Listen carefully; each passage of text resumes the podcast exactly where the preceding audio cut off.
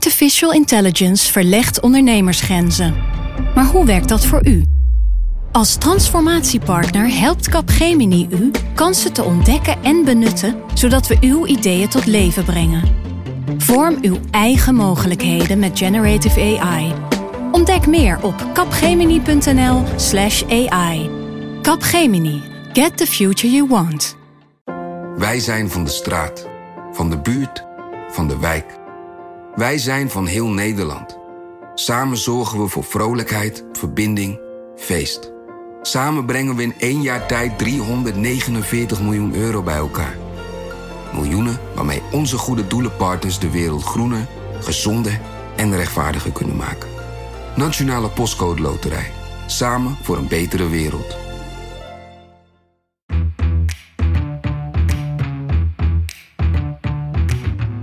Is Haagse Zaken. Mijn naam is Lemia Aharwai.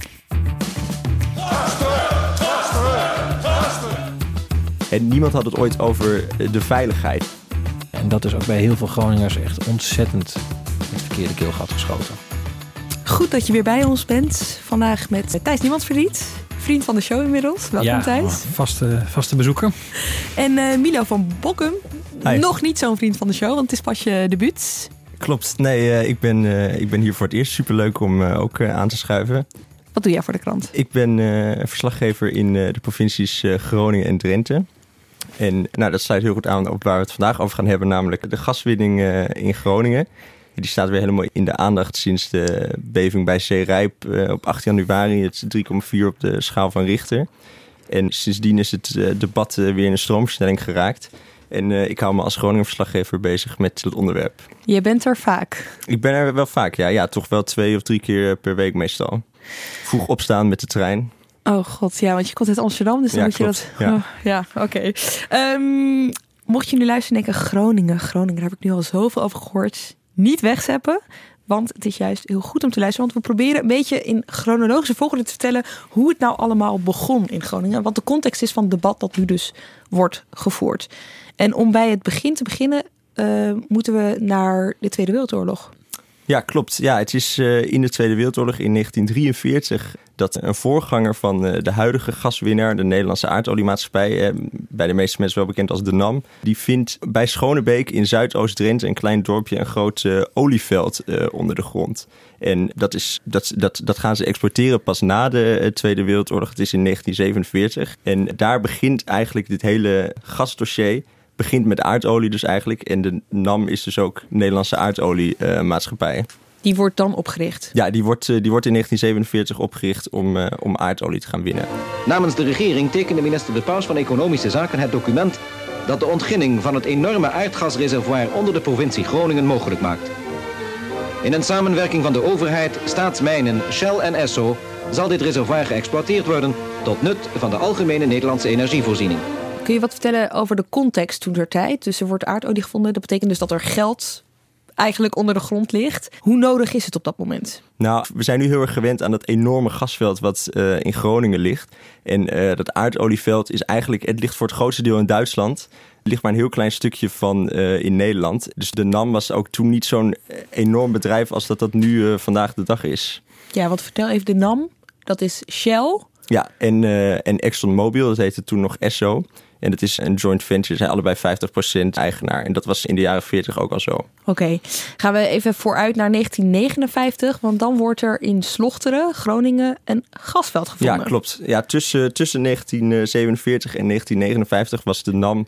eh, die hadden al een paar kleinere gasvelden in Nederland eh, ontdekt. Want Shell en eh, Exxon die, zei, die, die hebben de, de kennis en de expertise om te zoeken naar eh, gasvelden... in tegenstelling tot bijvoorbeeld de overheid eh, en dergelijke. En zij waren dus aan het kijken in de Nederlandse grond... van waar kun je nou grondstoffen vinden. Nou, die hadden een paar kleine velden gevonden en een deal gesloten met, met de regering in Nederland. Van ja, de regering zou al, zou al dat aardgas eh, afnemen wat de NAM in die kleine velden eh, vond. Eh, dat was niet zoveel en er was eigenlijk ook niet zo'n grote afzetmarkt van aardgas. Dus de staat zei, wij kopen dat we allemaal. En, en Shell en Exxon die kwam dan een klein beetje zelf voor eigen gebruik gebruiken. Maar in 1959 vinden ze opeens een enorm gasveld onder Groningen bij Slochteren. De boringen van de Nederlandse aardoliemaatschappij die in 1960 bij Slochteren op het aardgasreservoir uitkwamen, toonden hoeveelheden aardgas aan waarvan men de omvang onmiddellijk reeds hoog schatte. Later bleek zich onder de vlakke Groningse bodem het grootste tot nu toe in Europa bekende aardgasreservoir te bevinden. En eh, dat zette die hele verhoudingen nogal op zijn kop. Want toen dacht de staat ook opeens van... eh, nou, wij kunnen niet die miljarden kubieke meters zomaar allemaal kopen van, eh, van de NAM. Waarom niet? Nou ja, omdat, omdat er was helemaal geen afzetmarkt voor dat Groningen aardgas eh, in Nederland op dat moment. Eh, die moest eigenlijk gecreëerd worden. En dat is dus wat, wat er vervolgens eh, gedaan is bij de ontdekking van dat gasveld. Is besloten om binnen hele korte tijd alle huizen in Nederland aan te sluiten op dat aardgasnetwerk uit Groningen. Binnen een jaar hoopt men alle wijken op aardgas te hebben aangesloten. Maar dat brengt grote problemen met zich mee. Omdat aardgas onder een hogere druk staat dan stadsgas, waardoor de vlam op een normaal toestel van de brander zou worden weggeblazen, moeten alle gastoestellen worden omgebouwd om ze voor aardgas geschikt te maken. Thijs, hoe was de politieke situatie toen? Ja, we hebben het hier over eh, begin jaren 60. Hè? Dat, eh, enkele jaren later, wanneer het de boel echt van start gaat met, eh, met gaswinning eh, in Groningen. En eh, dit was de tijd dat, het eigenlijk, dat er een tijd aanbrak van ongekende welvaart. Die hele, hele moeilijke eh, jaren van wederopbouw waren achter de rug. Eh, de economie groeide met eh, nou ja, soms wel 5, 6 procent per jaar, ongekende hoeveelheden. Eh, er was een loonexplosie. De, mensen kregen dus allemaal, ja, de, de kolenkachel verdween. Ze kregen een cv, ze kregen huishoudelijke apparaten. Dus dat was echt een, er heerste een sfeer in die tijd van, van het, het kon niet op. Het ging gewoon, het ging, het ging hartstikke goed met Nederland. Ehm, en eh, het kabinet wat uiteindelijk de hele constructie heeft eh, opgetuigd, waar we eigenlijk tot op de dag van vandaag eh, mee van doen hebben. En die ook nou ja, heel problematisch is geworden nu, nu we die aardbeving hebben. Ehm, eh, die is opgetuigd in het, ten tijde van het kabinet De Kwaai. Dat is echt lang geleden. Als je bijvoorbeeld bedenkt dat een van de ministers in het kabinet was de vader van Josias van Aartsen. Eh, eh, de voormalige burgemeester ja. die zelf inmiddels met pensioen is, alweer Josias. Dus het is echt heel lang geleden. En ehm, eigenlijk zou je kunnen zeggen dat, ehm, nou ja, zoals dat gasgebouw, zoals dat destijds is opgetuigd, het gasgebouw, zo noemen ze het. Klinkt wat, klinkt wat cryptisch, maar. Het is geen eh, echt gebouw. Het is geen gebouw, het is eigenlijk de, ja, het samenwerkingsverband, het maar even zo te noemen. Ehm, dat is eigenlijk tot op de dag van vandaag nooit wezenlijk veranderd. Van welke partij was die de kwijt trouwens? de kwaai was, van de, was een katholiek van de KVP. Gasgebouw. Milo, ik kijk jou even aan, want dat is nogal... Het is half schimmig, half niet, toch? Ja, nou, er zijn er, er zijn er heel veel dingen onbekend over het gasgebouw. Er zijn ook heel veel dingen over het gasgebouw waarvan we niet weten dat we ze niet weten. Maar er zijn een paar dingen Wacht wel bekend. Wacht even, wacht even. Dingen waarvan Zijn we journalisten dol op Waarvan we, waarvan we, ja, er zijn heel veel dingen in het gasgebouw gewoon heel onduidelijk. Maar een paar dingen zijn wel duidelijk. Het gaat om vier partijen min of meer. Nou, de NAM, dat zijn dus eh, Shell en Exxon eh, zelf. Energiebeheer Nederland, dat is volledig in eh, eigendom van het ministerie van Economische Zaken. Je hebt Gasterra, die eh, verkoopt het gas aan, eh, aan de mensen die het willen. En je hebt de Maatschap Groningen.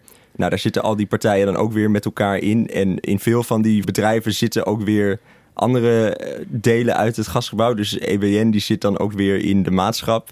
En Gasterra zit volgens mij ook weer in de maatschap. Dus het is een totale chaos van belangen en, en verschillende bedrijven. Is er een reden voor dat het zo chaotisch is? Nou, ik weet het niet precies, maar het is in, in 1963, in die tijd dat dat is opgetuigd, is het gewoon bedacht om zoveel mogelijk de opbrengsten, maar ook de eh, kosten eh, met elkaar tussen de staat en. Want het is in feite gewoon een publiek-private samenwerking. Om de kosten en de opbrengsten zo goed mogelijk te kunnen verdelen tussen eh, de staat en de commerciële partijen. En wat van, wat, belang, wat van belang is om te weten, want er- er is nog wel eens een beeld ontstaan, zeker in de laatste jaren, dat Shell en ExxonMobil daar dus, nou ja, daar eigenlijk met al het geld van doorgaan. Maar het is wel zo eigenlijk dat door de jaren heen eigenlijk altijd 90% eh, van alle gasopbrengsten altijd naar de staatskas zijn gegaan. Ja. Dus dat is een heel- 90 procent. 90 procent. Dus eigenlijk een, een 10 procent is naar die commerciële, naar die oliebedrijven gegaan. Ja. Wat eh, nog steeds om hele, vele tientallen miljarden ja. gaat. Maar dat is om even om te relativeren. Kijk, de neiging is een beetje om te doen alsof zij de totale bad guys zijn. Maar in, in feite is er sinds 1963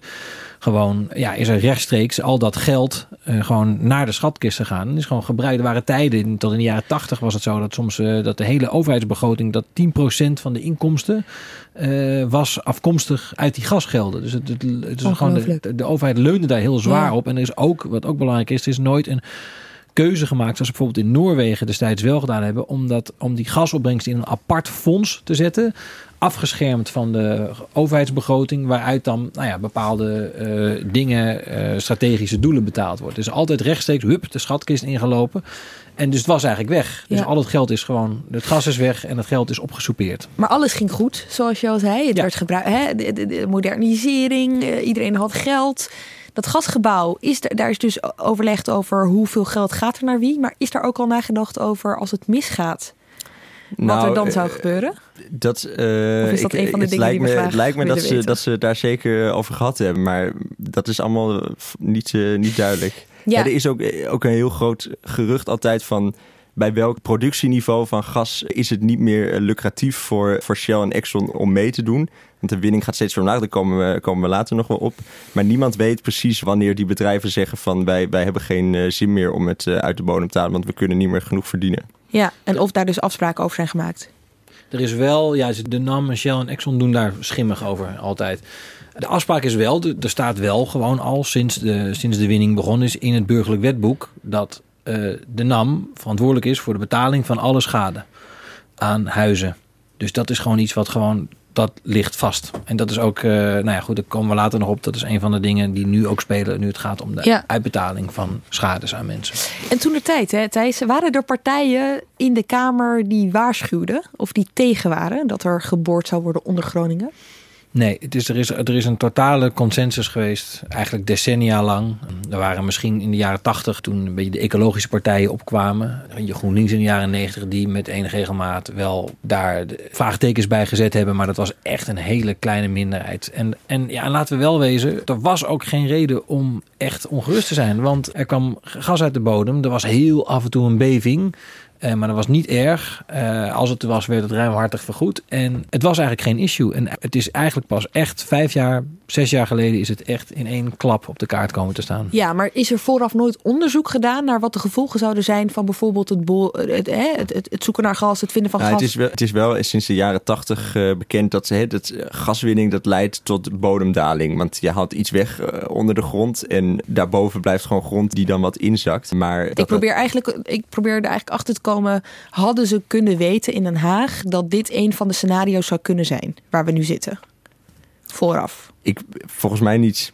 Ik, want er is ook nog steeds, is nog steeds niet helemaal duidelijk hoe gaswinning zich precies verhoudt tot de hoeveelheid bevingen en dergelijke en dat soort dingen. Laat staan dat ze dat in de jaren 60 Er is gewoon ook nog steeds eigenlijk relatief weinig onderzoek naar. Hè? Dus er is gewoon, dat is ook het ingewikkelde van die hele discussie over het terugbrengen van het niveau van gaswinning. Is dat er gewoon niet één op één vast te stellen valt. Weet je, als we zoveel omlaag gaan, zoveel eh, miljard kuub omlaag gaan, dan, dan stoppen die aardbevingen Precies. of komen ze op een acceptabel niveau. Dat is, eh, daar, daar is gewoon te weinig kennis. Dus het lijkt mij inderdaad ook stug dat dat in de jaren 80 of 90 wel Ja. zo was. Ja. En in de jaren negentig, je had het net al eventjes over Thijs. Ja, toen begonnen langzaam maar zeker af en toe was Ja. er een kleine beving. Ja, be- de, de, de NAM heeft eh, in de jaren tachtig nog altijd eh, ontkend dat, eh, dat, dat gaswinning eh, tot bevingen zou kunnen leiden. Maar dat is vanaf begin jaren negentig, toen, eh, toen er toch af en toe lichte bevingen begonnen op te treden, is dat veranderd. Toen heeft het bedrijf erkend van ja, dat kan, eh, dat kan gebeuren. En dat kan ook tot kleine eh, schades eh, leiden. Nou, dat is een heel interessante periode als je, als je terugkijkt vanaf het debat vandaag de dag. Want je ziet dan dus dat de NAM misschien een paar honderd schademeldingen per jaar eh, of per twee jaar krijgt. En die worden vrij ruimhartig vergoed. Dat heeft ook in NRC Handelsblad gestaan toen ter tijd. Van de NAM zegt we willen een goede buur zijn. En ook dat onderzoekers van de bodem en zo die zeiden van ja, de NAM die betaalt veel te veel uit in de Wauw, dat was echt een heel Eh, andere tijd. Ja, Dat was, en dat is heel interessant als je daar, als je, als je daar nu eh, naar terugkijkt natuurlijk met de bril van, van vandaag de dag. Maar hè, wat belangrijk is, is dat die, die bevingen die waren vaak niet heel zwaar. Af en toe wel heel zwaar hoor. De tweede, de op één na zwaarste beving in Groningen is gewoon in 2006 eh, geweest. Maar ja, daar, kreeg je schade van. Maar het was belangrijk, want het is geen... En niemand had het ooit over eh, de veiligheid. Het was nooit een vraag van, kunnen er hier veiligheidsgevolgen eh, van zijn? En het was echt een kwestie van, er is schade bij een paar huizen en die kunnen we als NAM eh, prima eh, Ja. vergoeden. Ja, het had het nieuws ook niet echt. Want we zijn op Nee. zoek gegaan naar fragmenten uit die tijd, hè, naar nieuwsmomenten. Maar het is vooral jaren negentig. Nee hoor, helemaal niks. Alsof eh, ik vraag me af of het überhaupt leefde in de rest van Nederland. Ja. Ja, 2006 noemde je al, die op één na hoogste aardbeving, zwaarste aardbeving moet ik zeggen. En daarna, Dan gaan we naar 16 augustus 2012. Ja, nou op 16 augustus 2012 is echt een omslagpunt uh, geweest in de geschiedenis van de, van de Nederlandse gaswinning. Dat was op die dag zelf niet per se helemaal te voelen. Kijk, heel veel. Dat is toen een hele zware beving geweest bij Huizingen. de zwaarste tot nu toe. Ja, de zwaarste tot nu toe. 3,6 op de, op de schaal van Richter. Nou ja, ik heb ook met mensen in Groningen die dat hebben meegemaakt over gesproken. En die zeggen allemaal van ja, het een mevrouw woonde naast een ophaalbrug. Die zei, ik had gewoon boem in één keer dicht sloeg. En mensen die, wiens kinderen opeens naast me stonden, die lagen al in bed. Die kwamen naar uit bed van, mam, uh, wat is dit? Wat heb ik gevoeld? Dus iedereen voelde gelijk, dit was echt een hele zware beving. Maar dat was zes jaar eerder ook wel uh, gebeurd, hè? 2006 was dat. Toen hadden we die 3,5. En nou, er was iemand die vond het een leuk idee om daar een t-shirt van te maken. Gewoon uit de fun. En er was best wel veel animo voor, dus het halve dorp loopt er rond. Maar die beving die duurde ook uh, heel erg lang. En dat was reden voor uh, toezichthouders, staatstoezicht op de mijnen... om toch eens even wat meer onderzoek te gaan doen naar uh, die Groningse bodem. Want dit was toch wel een heel opvallend fenomeen... wat er op 16 augustus plaatsvond. Wat is lang? Je zegt hij duurde wat langer. Ja, nee, hij, ja, hij duurde gewoon... Volgens mij was het iets van 10 seconden of zoiets. Okay, ja. en, en daarvoor was dat minder. Was, een schokje. Precies, maar als bewoner kun je je ook niet precies herinneren... hoe lang het duurde in 2006. Maar dat is voor de mensen die onderzoek naar doen... een heel relevant ja. feit. Ja. En, nou ja, en toen eigenlijk drie, drie, vier maanden later, begin 2013, is het debat echt aan het uh, rollen gebracht. Toen de toezichthouder zei van ja, uh, we hebben onderzoek gedaan. En we hebben ontdekt dat het eigenlijk best wel veel zwaarder kan gaan worden. En ook meer bevingen. En toen werd het dus een veiligheidsvraagstuk. En niet alleen meer een schadevraagstuk. Ja. En uh, minister Kamp, ja. was toen pas minister. 2012, dus de Kamp zou dat najaar minister worden. Ja, uh, okay. Dus die kreeg dat uh, ja, meteen op zijn bordje bij zijn aantreden in 2012. Ja, die, dat, dat heeft voor een heel groot deel eigenlijk, daar is, hij voor een heel groot deel van zijn tijd is daar aan opgegaan. En minister Kamp heeft, nou, met name onder de Groningers, geen goede naam. Die is eigenlijk in die jaren uh, daarna uitgegroeid tot een soort hate figure voor hun. Um, zelf heeft hij het gevoel, uh, heeft hij ook gezegd, dat hij, dat hij vindt dat, dat hij niet helemaal eerlijk beoordeeld is. Omdat hij wel de eerste bewindspersoon geweest is die echt stappen is gaan nemen. Die de gaswinning flink omlaag heeft gebracht. Die begonnen is met een uh, verstevigingsoperatie. Uh, nou ja, die, die, die het echt op de politieke agenda heeft gezet. Maar daarbij moet wel gezegd worden dat ik denk dat zijn karakter hem een beetje in de weg zat daar. Uh, want Henk Kamp was een minister met vele kwaliteiten, maar flexibel zijn, empathie uitstralen. Het een beetje het hè, I feel your pain, hè, zoals Bill Clinton dat Ja. destijds zei. Eh, dat was niet zijn, zijn grootste kracht. En ja, wat die Groningers zagen was een beetje een koppige man die voortdurend praatte over ja, maar er moeten nog weer nieuwe rapporten komen en nieuwe onderzoeken. En uh, laten we het stappenplan afwerken en dan neem ik pas een beslissing of eerst een nota aan dit. Dus ja, dat, die, die is daar niet geliefd. En wat ook gezegd moet worden is dat hij zei telkens van ja, we hebben in, onder mijn bewind is de gaswinning met de helft omlaag gegaan. En dat klopt, maar dat is niet echt van harte gegaan. Want tot twee keer toe uh, is een besluit van hem door de Raad van State vernietigd. Die zei dat gaat niet ver genoeg. Ja, en, en er komt nog bij dat hij vlak na die beving... Uh, bij Huizingen, de gaswinning is eerst toen nog omhoog gegaan. Van 47 miljard kubieke meters per jaar naar 53 ja. uh, miljard. En dat ligt bij veel mensen in Groningen ook zo. Want hij zegt van... Hij zei altijd, de gaswinning is heel erg omlaag gebracht, maar wel nadat hij eerst nog eerst omhoog gegaan, eerst omhoog, uh, gegaan ja. is. Ja, en uh, voor het publiek werd het pas duidelijk hoe hij gezien werd in Groningen toen hij in 2014 op bezoek ging in Loppersum. Dat was volgens mij om een gasbesluit toe te lichten. Ja, dat deed hij wel vaker. Hij, uh, dat deed hij overigens goed hoor, politiek gezien zou ik zeggen. Hij ging gewoon, eh, hij nam een gasbesluit en dan gaf hij niet, stuurde niet een brief naar de Tweede Kamer, maar dan ging hij daar naartoe en dan ging hij eerst de bestuurders en bewoners op de hoogte stellen en pas daarna maakte hij het bekend. En die bewoners, ja, die vingen hem op een bepaalde manier op. Ja.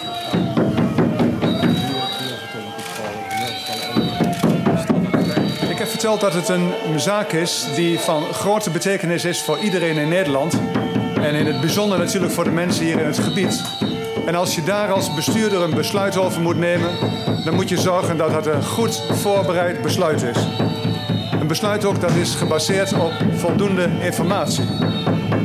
En aan de voorbereiding van het besluit heb ik een jaar hard gewerkt. Hoe kijken ze nu terug in Groningen echt op, uh, op kamp?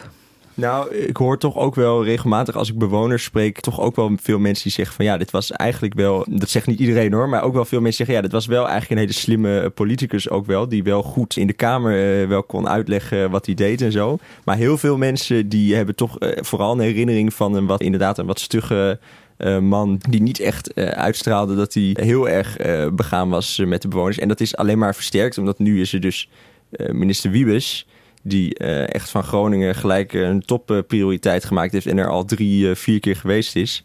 En uh, ja, dat, dan verbleekt Kamp eigenlijk eh, nog meer uh, Ja, of heeft, of heeft Wiebes gewoon heel goed gekeken naar Kamp? Nou ja, sowieso geldt als je een impopulair iemand opvolgt, dan doe je het al snel beter natuurlijk. Denk aan Rutte die premier werd naar Balkenende. Dat kon ook, uh, kon ook niet op in de ogen van veel oh, mensen. Maar Wiebes heeft wel... Kijk, Wiebes is een andere man. Het is ook een beetje een merkwaardige man. Het is, hij is een soort, soort super... Ook een soort super technocratenman die... Uh, van de verleden in de consultancy... die het niets mooiers vindt dan, uh, dan projecten opzetten... en Excel-sheets en zo.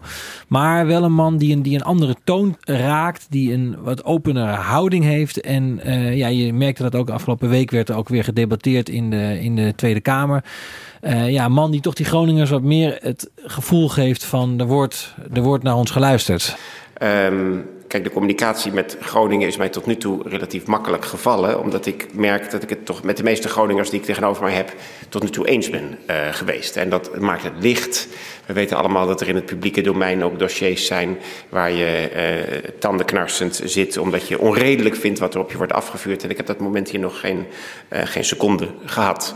En nou ja, de vraag is natuurlijk, weet hij dat vol te houden? Hè? Is het zo dat als, hij dat nou, als hij dat over drie jaar dat nou nog steeds zo is, dan kunnen we zeggen dat hij het, ja. dat hij het goed gedaan heeft. Hoe kijkt ze in Groningen naar hem? Nou, uh, wat misschien wel een goed voorbeeld is, is dat hè, Wiebes is uh, vorige week uh, in uh, Zeerijp geweest ook. Ja, dat was een heel groot mediacircus en je kon als bewoner eigenlijk niet zo goed in de buurt van Wiebes komen. maar dat was toch één bewoner die, die, die het lukte om hem even staande te houden. En die gaf hem toen een, een speltje van een verscheurd Groningen. Met zo, zo, de vorm van Groningen met zo'n scheur erin. Ja. En, en Wiebes die spelde dat onmiddellijk op zijn jasje. En toen, en toen zei die bewoner, die zei van dank u wel, dat, dat heeft Kamp heeft dat nooit gedaan. Ja, ja. Oh, en, dus, dat is dus, dus, en, en dat is eigenlijk wel een heel symbolisch moment. Maar tegelijkertijd klinkt het ook wel heel erg van... Het is ook een beetje een, een voordeel van de twijfelsituatie. Van, van hij, hij, zit er nog niet zo lang. Hij komt hier vaak heen. We vinden het tot nu toe best wel fijn. Maar hij moet wel dingen waar uh, gaan maken. Nou, wat natuurlijk wel zo is dat Wiebes heeft al meteen bij zijn aantreden in uh, eind oktober... heeft hij gezegd ik wil de gaswinning nog verder omlaag brengen dan in het regeerakkoord staat. En dat is nog voor, dus twee maanden voordat we mhm. deze beving hadden. En dat is wel iets waarvan je niet zou denken dat Kamp dat snel gedaan zou hebben. Dus, hij heeft, dus hij heeft dat wel aangevoeld. Kamp ja. overigens ook nog wel aardig om te zeggen. De Kamp heeft ooit nog in een interview gezegd uh, dat die bevingen voor Groningers een fact of life zou zijn. Dat ze dat maar moesten accepteren. Zegt u nu ook met zoveel woorden, we moeten niet schrikken van toch een aardbeving van deze schaal? Nou, ik schrik er iedere keer van dat als er een aardbeving is, want uh, niemand zit er op die aardbevingen te wachten. Het is een fact of life. Um, dus wij moeten zorgen dat we de gevolgen daarvan uh, zoveel mogelijk beperken. Dat is ook bij heel veel Groningers echt ontzettend in het verkeerde keelgat geschoten. Maar Kamp heeft ook ooit excuses gemaakt omdat ja. hij hè, aan Groningers, omdat hij dacht, ja, inderdaad, er is wat schade. Dat komt omdat Nederland Hè, dus niet alleen Groningen daar gaspoort. Ja, dat heeft hij gedaan. En er was ook wel een duidelijke aanleiding voor. Want er was een rapport uh, verschenen toen van de Onderzoeksraad voor Veiligheid. Uh, over 50 jaar gaswinning. En daar werd toch op vrij genadeloze wijze uh, blootgelegd hoe de Nederlandse overheid eigenlijk in al die decennia zich op geen enkele manier heeft bekommerd om de veiligheid. En ook het financiële positie van de Groningers. Uh, dus eh, daar kon hij eigenlijk niet onderuit. Ik erken dat uh, de, de veiligheid van de mensen, dat daar uh, onvoldoende oog voor geweest is. Dat meer aandacht moet zijn voor de veiligheidsbelangen van de mensen in, in Groningen. Um, ja, dat is iets wat je, wat je kunt erkennen. Maar ik, um, ik, ik, ik moet ook zeggen, ik, be, ik betreur dat het zo gegaan is. Het spijt me zeer dat er onvoldoende aandacht is geweest voor die veiligheidsbelangen van de mensen in, uh, in Groningen. Wat me wel opvalt, hè, nu, nu ik dit zo hoor, hij heeft natuurlijk wel in zijn tijd alle rotrapporten gehad. Hij heeft twee keer de Raad van State gehad die hem heeft teruggefloten bij een uh, gasbesluit. Hij heeft dat uh, rapport van, de, van het staatstoezicht op de mijnen gehad. Hij heeft dus de Onderzoeksraad voor Veiligheid gehad. Ja. Dus je zou kunnen stellen, in de periode van kamp zijn ook al die lastige rapporten verschenen. Ja, en plus het was een hele moeilijke tijd van uh, economische tegenspoed en crisis. En hoewel eigenlijk er nu ook gezegd wordt van ja, weet je, de inkomsten uit, uit dat gasveld speelt geen enkele rol. Weet je, voor ons is het allerbelangrijkste de veiligheid van de Groningers.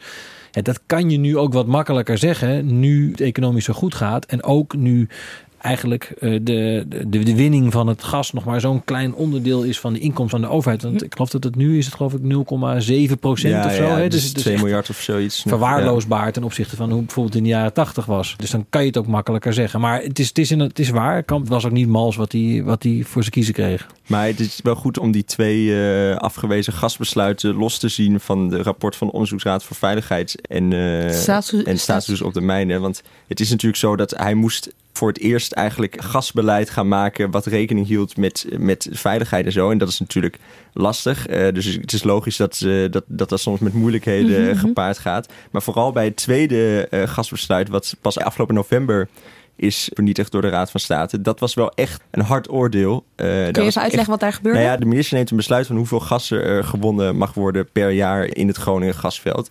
En daar procederen dan heel veel uh, partijen tegen. Milieuorganisaties, maar ook uh, gewoon particuliere Groningers. En ook de regionale overheid in Groningen. Want die willen allemaal dat er vooral dat er minder gewonnen wordt dan wat de minister zegt. En het voorstel van het laatste voorstel van Kamp is dus vernietigd. Eh, omdat de Raad van State echt vond dat hij te weinig rekening hield met de veiligheid van de Groningers. En dat is na vijf jaar na het begin van het debat toch wel uh, een pijnlijk, pijnlijk, ja. Ja, pijnlijk moment. Nou, in 2012 was dat een soort van kantelpunt. Hè? Thijs, begon de politiek zich toen ook pas, dus los van de minister, begon de rest van de Kamer zich ook toen pas te roeren? Ja, er is toen eigenlijk uh, de mensen die tot dan toe Groningen in hun portefeuille hadden, ja, die deden dat erbij. Die hadden er misschien eens in de twee jaar een debatje. Maar daarna is een, eigenlijk een ongekende reeks van debatten geweest. Waarin al die, die Kamerleden, die woordvoerders van die partijen. ja, ook eigenlijk wel maandelijks in Groningen te vinden waren. En dat is eigenlijk op de dag van vandaag niet, niet, niet anders geworden. Maar wat tegelijkertijd wel grappig is, is dat het. Nou ja, grappig het goede woord is, maar politiek gezien van belang is dat het is niet een kwestie tussen partijen. Dus het is eigenlijk heerst er in de Tweede Kamer een vrij grote consensus dat uh, nou ja, de schadeafhandeling niet goed gaat. De uh, verstevigingsoperatie van de huizen niet snel genoeg gaat. De gaswinning verder omlaag moet. Afgelopen dinsdag is er ook weer een motie aangenomen, kamerbreed. Alle 150 Kamerleden hebben daarvoor gestemd. Dus eh, in die, die vorige periode onder Kamp lag het nog ingewikkelder. Daar had je nog wel vaak de VVD en PvdA die tegenover de oppositie stonden. De oppositie wilde dat het sneller omlaag ging. De VVD, PvdA trapte op de rem. PvdA zat daar een beetje tussenin. Op een gegeven moment is de PvdA overgestoken naar het kamp van de oppositie. En toen eigenlijk de VVD gedwongen om een hoger tempo aan te houden. Maar uh, nu is dat, is, er, is dat er eigenlijk niet meer. De discussie is eigenlijk, eigenlijk nu tussen de hele Kamer en de minister. Uh, van wat kan de minister doen? En de minister die zegt eigenlijk van ja, ik ben het ook eigenlijk helemaal met jullie eens. Ik ben het eens met de Groningers. Alleen ja, er zijn nog een paar andere zaken waarmee we rekening moeten houden. Hoofdpijndossiers. Ja, ja. Dat zijn er een paar hè? Ja. Om te beginnen met de schadeafhandeling. Ja, nou, dat is eigenlijk al jarenlang de, gro de grootste frustratie bij veel Groningers met schade. Hè, dat je moest lange tijd, uh, als je schade had. Kijk, de NAM is, is uiteindelijk eindaaansprakelijk voor, uh, voor de schade aan jouw huis als je Groninger bent. En dat betekent dus heel lang dat je als bewoner van een boerderij of een huis eigenlijk met de NAM in overleg moest over de vergoeding van, die, van die schade. En dat, nou ja, dat leverde heel veel gebakkelei op. En, uh, en er kwamen er arbiters die dan weer moesten geschillen moesten beslechten en dat soort dingen over wie er nou gelijk of de schade nou wel of niet van bevingen kwam. En dat was vaak hele lange juridische en procedures. Even, even, dat was dan een individu versus de NAM. Ja, precies. En, uh, en dat zijn dus Shell en Exxon. En uh, dat is dus nogal, hè, de, dan ben je een bewoner en dan krijg je dus ook een brief van, uh, van de Zuidas of iets dergelijks ja. van een advocatenkantoor met dat, dat de schade niet door gaswinning komt. Nou, iedereen vond op een gegeven moment dat daar een einde aan moest komen aan die procedure. Dus op 31 maart 2017 is de schadeafhandeling gestopt en zou er een nieuwe manier van, van schadeafhandelen komen binnen drie maanden. Dat moest op 1 juli 2017 moest dat geregeld zijn. Mm -hmm. Maar dat is inmiddels nog altijd niet geregeld. Nee. En het is, de bottomline is natuurlijk dit, en dat is natuurlijk ook zo, dat het natuurlijk eigenlijk heel erg raar is dat degene die de schade veroorzaakt ook bepaalt uh, wat ze precies gaan vergoeden aan schade. Dat is echt gestoord. Dat, dat is nergens anders zo volgens mij. Krankzinnig. Ja. En dat was natuurlijk geen issue, want er was weinig schade. En als er wat was, dan kreeg je gewoon ruim betaald. Maar nu het massaal geworden is... Ja. Uh, maar dat heeft ook enige tijd geduurd. En ook dat duurde een, wel een poos voordat Kamp daar in beweging kwam. Maar uiteindelijk heeft de Kamer uh, hem daartoe echt gedwongen en gezegd van luister, die NAM die moet daar weg. Die Groningers moeten niet te maken hebben met de NAM. Die moeten ja. gewoon daar een neutraal iemand hebben en dan moet die NAM maar met geld komen. Alleen dat is dus niet gebeurd. En de pech was wel dat er een formatie aan de gang was. eh, Waardoor Kamp eigenlijk het idee had dat hij zich niet geroepen was om daar eh, echt een definitieve afspraak te maken. Nou ja, toen kwam er een nieuw kabinet. Toen moest Wiebes opstarten. En nu zijn we dus bijna een jaar verder. En is er nog steeds geen nieuw schadeprotocol. En zijn dus Groningers die sinds maart vorig jaar schade hebben gemeld. Die hebben nog steeds... Er is nog geen begin gemaakt met het eh, inventariseren daarvan. Dat is één. Ja. Dan hebben we nog de verstevigingsoperatie. Ja, nou, dat wordt steeds meer een thema in Groningen. Want het komt er in feite op neer dat omdat er in Groningen aardbevingen zijn en omdat die ook in theorie heel zwaar kunnen zijn. Hè, er wordt soms wel gesproken van het kan gebeuren dat dat vijf op de schaal van Richter eh, is. Daardoor zijn de huizen in Groningen eigenlijk niet altijd, die zijn er niet altijd op eh, berekend. En je moet wel, in Nederland heb je dan zo'n norm van ja, als je in je huis eh, door instorting van je huis komt eh, te overlijden, die kans mag maar 1 op de 100.000 eh, zijn. Maar omdat in Groningen zware gasbevingen kunnen voorkomen, ligt die kans in Groningen eigenlijk hoger dan wettelijk toegestaan is. En dus moeten de huizen eh, steviger gemaakt worden. Maar dat is, dat is een enorme Maar dat operatie. is gestort. Eh, Wacht even hoor, want we hebben, het, we hebben het ook steeds over Groningen. Ja. Groningen is een hele provincie. Het lijkt me niet dat alle huizen in heel Groningen Nee, verstevigd moeten Nee, worden. nee, ja, Groningen is een beetje de, de, de term geworden voor dit hele gasdebat. Maar het gaat eigenlijk om het noordoosten van Groningen. Daar vinden de, de bevingen plaats. Er zijn ook delen van Groningen waar ze nog nooit eh, een beving gevoeld hebben. Dus het gaat eigenlijk om ongeveer 22.000 gebouwen in Noordoost-Groningen. Die moeten eerst geïnspecteerd worden in een ronde. Dan de, nou, de gesprekken met mensen aan tafel van dit moet er met uw huis gaan gebeuren om het stevig te maken. Misschien wordt het wel eh, hele wijken eh, plat gegooid omdat verstevigen duurder is is, dan nieuwbouw. Ja. Het is een, het is een krankzinnig grote eh, operatie die dus echt nou ja, miljarden gaat kosten. eh, alles bij elkaar. En eh, nou ja, als je bedenkt dat er, geloof ik, het afgelopen jaar zijn er 200 huizen verstevigd. En dan moet in totaal 22.000 huizen verstevigd worden. We hebben daar Hans Alders, die is daar neergezet als die heet, eh, zijn functie is Nationaal Coördinator Groningen. Dus eigenlijk is het zijn allerbelangrijkste taak Ja. is om dat op poten te krijgen. En daar zijn de Groningers eigenlijk ook heel ontevreden over. Over het tempo waarin dat gaat. Over Alders ook ontevreden? Nou, dat ligt ook eh, genuanceerd. Kijk, mensen verwachten wel dat die versterkingsoperatie dat dat wat, wat sneller op gang zou komen. En ja, daar is wel kritiek op Alders dat, dat, dat hem dat niet lukt tot nu toe om, om wat meer eh, de tempo erin te krijgen. En tegelijkertijd realiseren veel Groningers zich ook wel dat de opgave waar Alders voor staat eh, ook echt enorm is. Ja, oké. Dus ze, ze hebben de enige empathie voor hem. Ja. Tot zover die verstevigingsoperatie. 22.000 huizen. Ik ben echt heel benieuwd hoe dit af gaat lopen. Dan Groningen na het gas. Want daar wordt al wel een beetje over nagedacht. Ja, het idee is natuurlijk eh, dat op termijn gaat het natuurlijk ophouden, die gaswinning. Al, al is het maar omdat het gas ook opraakt op een gegeven moment. En iedereen inziet dat dit niet zo verder kan. Is er een einddatum eigenlijk? Eh, er is geen einddatum, maar er is wel een jaartal 2050 wat vaak valt. Ja, maar het kan wel dat dat, eerder, dat, dat al eerder zover is. Ja, want dat is natuurlijk nog steeds, dan hebben we het nog steeds over meer dan 30 jaar. Ja. Kijk, het kan natuurlijk wel zijn dat tegen die tijd er misschien per jaar nog maar een paar miljard uit de, Ja. eh, kuub uit de bodem wordt gehaald. Dus een fractie van nu. Maar goed, het, het idee is eigenlijk dat, Groningen, dat Groningers ook een toekomst moeten hebben na het gas. En dat er een soort ereschuld is. Dus daarom zijn er in Den Haag in ieder geval grootse plannen voor eh, om Groningen dan bijvoorbeeld juist een centrum van duurzame energieopwekking te maken. Ook voor de werkgelegenheid daar. Maar ja, dat is natuurlijk iets, dat is natuurlijk een gigantisch veel geld gaat dat Ja. kosten investering. En er is in het regeerakkoord staat dat er een fonds eh, wordt opgericht waar 50 miljoen euro per jaar in gaat. En nou ja, daar lachen ze natuurlijk een beetje om in Groningen, want dat Ja. is natuurlijk zelfs het tienvoudige is nog niet genoeg waarschijnlijk. Ja.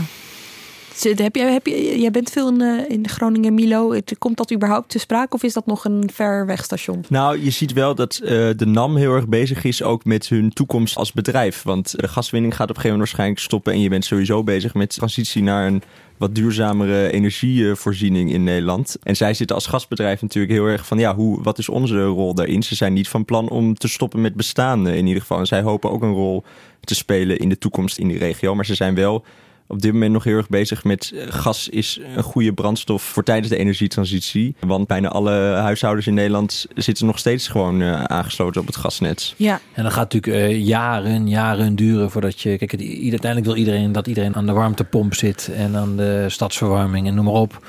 Maar dat gaat natuurlijk nog jaren duren voordat ze dat hebben omgebouwd. Ja. Ehm, maar goed, uiteindelijk zal dat wel zo zijn, misschien over 20, 30 jaar. En dan is er geen eh, vraag meer naar Gronings gas. Ja, ja. En daar is aan het begin helemaal geen rekening mee gehouden. Nee, nou ja, je ziet bij de presentatie van, uh, van toen bekend werd dat er een slochter uh, een enorm gasveld was zie je wel de, die minister iets zeggen van uh, we verwachten dat dat tot 2000 dat we daarmee uh, aan de slag kunnen. Maar dat, dat is dus in ieder geval al niet uh, op die manier gegaan. 18 jaar later ja. nog steeds. Oké, okay, en dan het afbouwen van die gaswinning. Hè? Want oké, okay, 2050 is een soort van hele verre stip aan de horizon. Maar ondertussen weten we, is iedereen zich inmiddels wel van bewust dat die gaskraan wel langzaam maar zeker dichtgedraaid moet worden. Of zelfs dichtgedraaid wordt. Dat klopt. En uh, dat is ook heel duidelijk een thema waar heel veel politici zich ook mee bezighouden. Hè? Van het roepen van bepaalde winningsniveaus. Ik denk dat jij er wel wat meer nog vanaf weet. Nou ja, er is heel veel discussie over geweest. Er is, er is een getal waarin de Tweede Kamer steeds mee geschermd wordt. Is dat het eigenlijk per onmiddellijk naar 12 miljard kub moet. Hè? Het zit nu op uh, 21 nog iets. 21,6.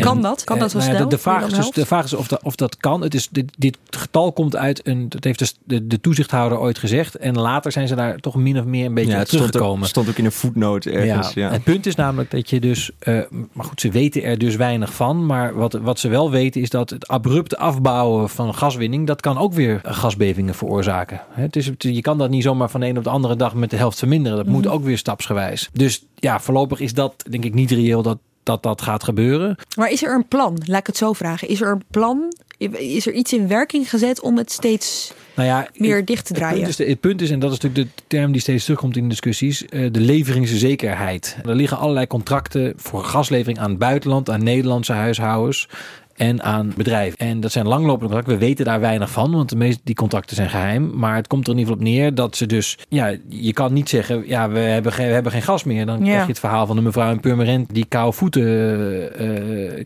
krijgt. En of de schoolklas in Drenthe. Maar, ja, Om het maar niet meteen weer naar de Randstad te trekken. en, en het punt is, je zou kunnen zeggen, kunnen we dan niet gas importeren? Gewoon uit andere landen, ja, uit precies. Noorwegen, uit Rusland. Ja. En dan in plaats daarvan... En daar stuit je op het, en dat is een wel technisch verhaal, maar de soort gas het gas in Groningen is een ander soort gas dan het gas wat uit Noorwegen en uit Rusland komt. En dat moet je dus ombouwen. Daar moet je extra stikstof in spuiten.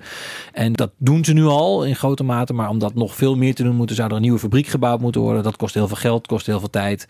Dus dat kan niet zo 1, 2, 3. Dus alleen al daarom kunnen ze niet zomaar uh, heel snel heel veel verder omlaag. Ja, en Wiebes gaat, die heeft nu onderzoeken ingesteld naar hoe, hoe dat zo, zo snel mogelijk uh, eventueel afgebouwd kan worden. En volgens mij komt hij in april met de conclusie daarvan, hè, van hoe je eventueel kan overschakelen. Of, en hij heeft ook al gezegd, ik heb de eerste vrevelige gesprekken met uh, grote afnemers uh, al uh, gehad. Mm -hmm. Hè, dus hij is duidelijk wel bezig met die vraag van hoe kunnen we dat op termijn uh, afbouwen? Mm -hmm. Ja, ja wat, hier, wat hierachter zit, en dat is, dat is een beetje dat is het aller pijnlijke aan het debat, is dat.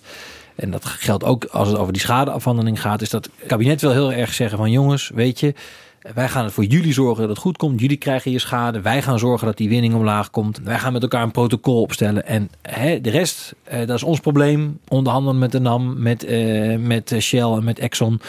Uh, maar ja, zo eenvoudig ligt het niet. Want uh, als je kijkt naar die schadeafhandeling, ook daar heeft de overheid er een belang bij dat er afspraken gemaakt worden met de NAM over dat die ook daadwerkelijk die schade gaan betalen die de overheid straks uh, voorschiet aan die mensen. Want het, als de overheid dit allemaal voorschiet en de NAM, ze belanden met de NAM in allerlei juridische gevechten over ze wel of niet gaan betalen, dan gaan daar uiteindelijk ook gewoon belastinggeld naartoe. Ja. En dat is natuurlijk strookt ook met, met rechtvaardigheidsgevoel van dat die gasten van de NAM dan uiteindelijk niet betalen voor wat ze veroorzaakt hebben. Oké, niet zeker of jullie deze vraag kunnen beantwoorden. Maar wat ik me nu wel afvraag. Aan het begin zeiden we 90% van de inkomsten gaan naar de overheid, 10% naar de NAM. Maar alle schade moet wel betaald worden door de NAM. Is eigenlijk best wel een goede deal voor de overheid. Of kijk ik nu echt heel erg ergens overheen? Nou, als je, uh, als je er goed naar kijkt, is het zo dat indirect de overheid al vrij veel betaalt. Hoor. Dus ja. deze week zijn er cijfers vrijgegeven door economische zaken. Door allerlei fiscale constructies kan de NAM uh, die schadevergoeding ook weer aftrekken van de winst. Mm -hmm. uh, waardoor ze indirect al belastinggeld er naartoe gaat. Dus in feite is het zo dat zelfs als zij straks al die schade gewoon betalen, dan wordt er indirect nog steeds een heel groot deel door de overheid betaald. Lekkere constructie. Het is, ja, ja, het is, een, het is uh, heerlijk. hey, uh, de naam die nog niet gevallen is, deze hele podcast, is die van premier Rutte. Ja, die heeft zich er nu eigenhandig bemoeid. Die is ook degene die gezegd heeft uh, afgelopen weekend dat het binnen twee weken geregeld moet zijn met dat protocol. Iets wat Wiebus afgelopen dinsdag in het debat niet durfde te herhalen. Heeft hij het er wel moeilijk gemaakt? Uh, ja, kan je wel zeggen. Rutte is ook degene geweest die uh, al uh, toen de formatie net begonnen was geroepen heeft van ah, we moeten nu echt tempo maken met het protocol. Moet ook wel, misschien. Want tijdens de campagne, ik herinner me nog een uitzending bij Pauw en Jinek, zat Rutte daar aan tafel. En ineens waren daar een heleboel boze mensen in het publiek. Zijn dit boze burgers die hier zitten? Ja. Ja? Serieus? Ja. Er zijn er heel veel. De heer Rutte die heeft 6,5 jaar ons leeggezogen. En dat doet hij nog steeds. Ik ben niet boos, ik ben razend. En ik niet alleen. En dan ben ik een heel net burgermannetje... die altijd verpleger geweest, altijd belastingtaalkeurig. Maar de cynisme groeit me over het hoofd heen. Is het netjes als er in zijn periode dat hij is... 76.000 schademeldingen zijn? Is het netjes als er 100 huizen afgebroken worden... omdat ze niet meer verstevigd worden? Is het netjes als er 4000 mensen psychische klachten hebben? Weet u, ja, het begrip netjes is aan enige inflatie onderhevig. Mijn boosheid heeft verschillende lagen. Ik heb niet zomaar één boosheid. Het is mijn eigen situatie waar ik in zit, die schandalig is. Het is hele lieve mensen die gewoon klem zitten... waar hun huis een molensteen om hun nek is... en die geen kant op kunnen. Het is een boosheid dat er zo respectloos met onze levens omgegaan wordt... met onze veiligheid. Er wordt erkend dat er 119 doden kunnen vallen. Ik kan ook een van die doden zijn. Waar zijn jullie dan? En ik vind het, ik word er nog, nog zoveel bozer om als ik u hoor vertellen. Het is gehalveerd, het is dat. Wat een kul is Mag dat. ik iets vragen? Wat zou u willen dat Mark Rutte nu doet? Wat zou hij kunnen doen om dit voor jou in orde te maken? Om Gasten! Gasten! Gasten! Dat is het punt. Dit was een van de eerste keer dat hij echt geconfronteerd werd met die boze Groningers. Ja, en uh, Rutte heeft altijd het, dat is het gevaar wat bij hem te loer ligt, dat hij altijd wat te, te lichtvoetig en te makkelijk overkomt. En in dit geval pakte dat niet goed uit.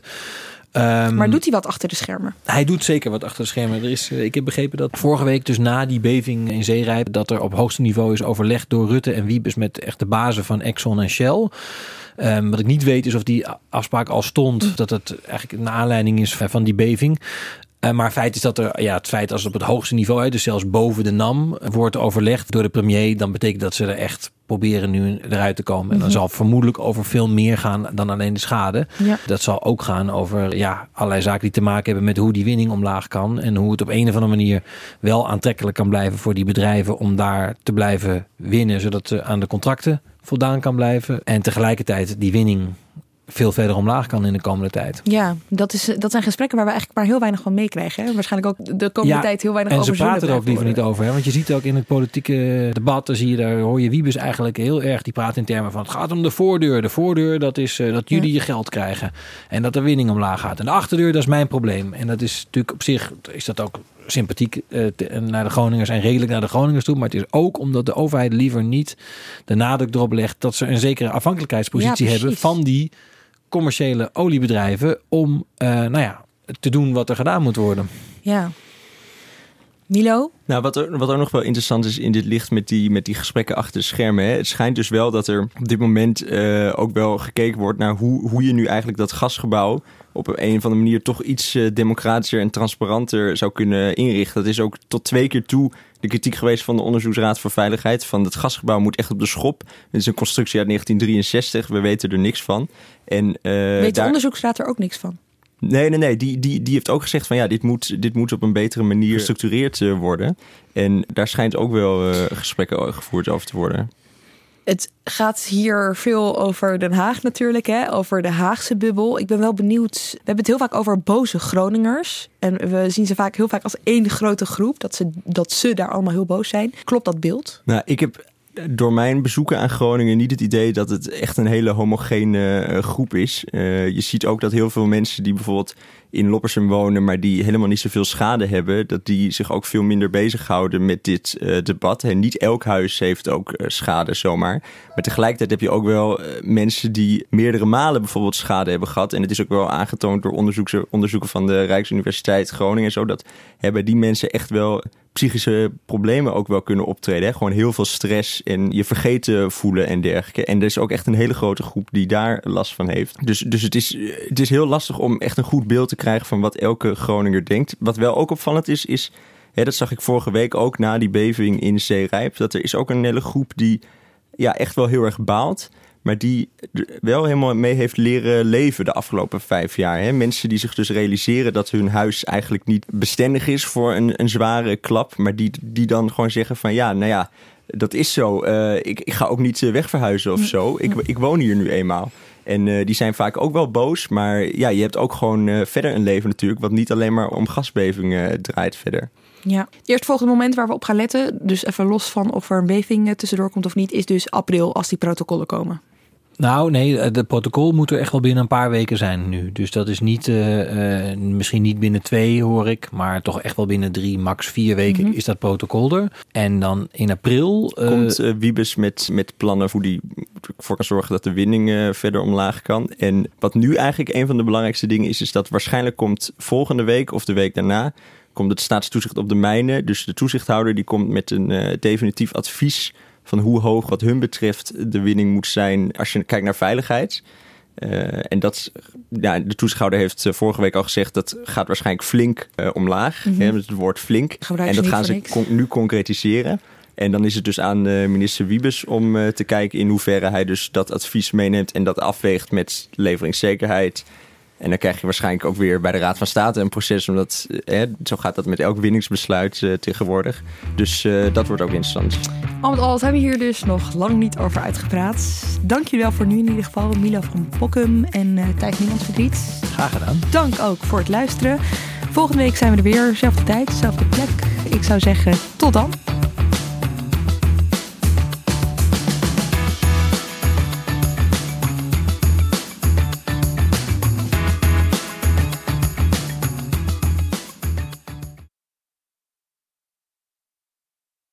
Wat weet ik eigenlijk van die nieuwe leverancier? Ik heb die spullen wel echt nodig. Gaat hij straks wel leveren? Ik weet niet eens hoe lang die bestaat. Weten met wie je wel of niet veilig zaken kunt doen? Check kvk.nl voor belangrijke ondernemerskennis. Zoals info over een nieuwe handelspartner. KVK, hou vast voor ondernemers.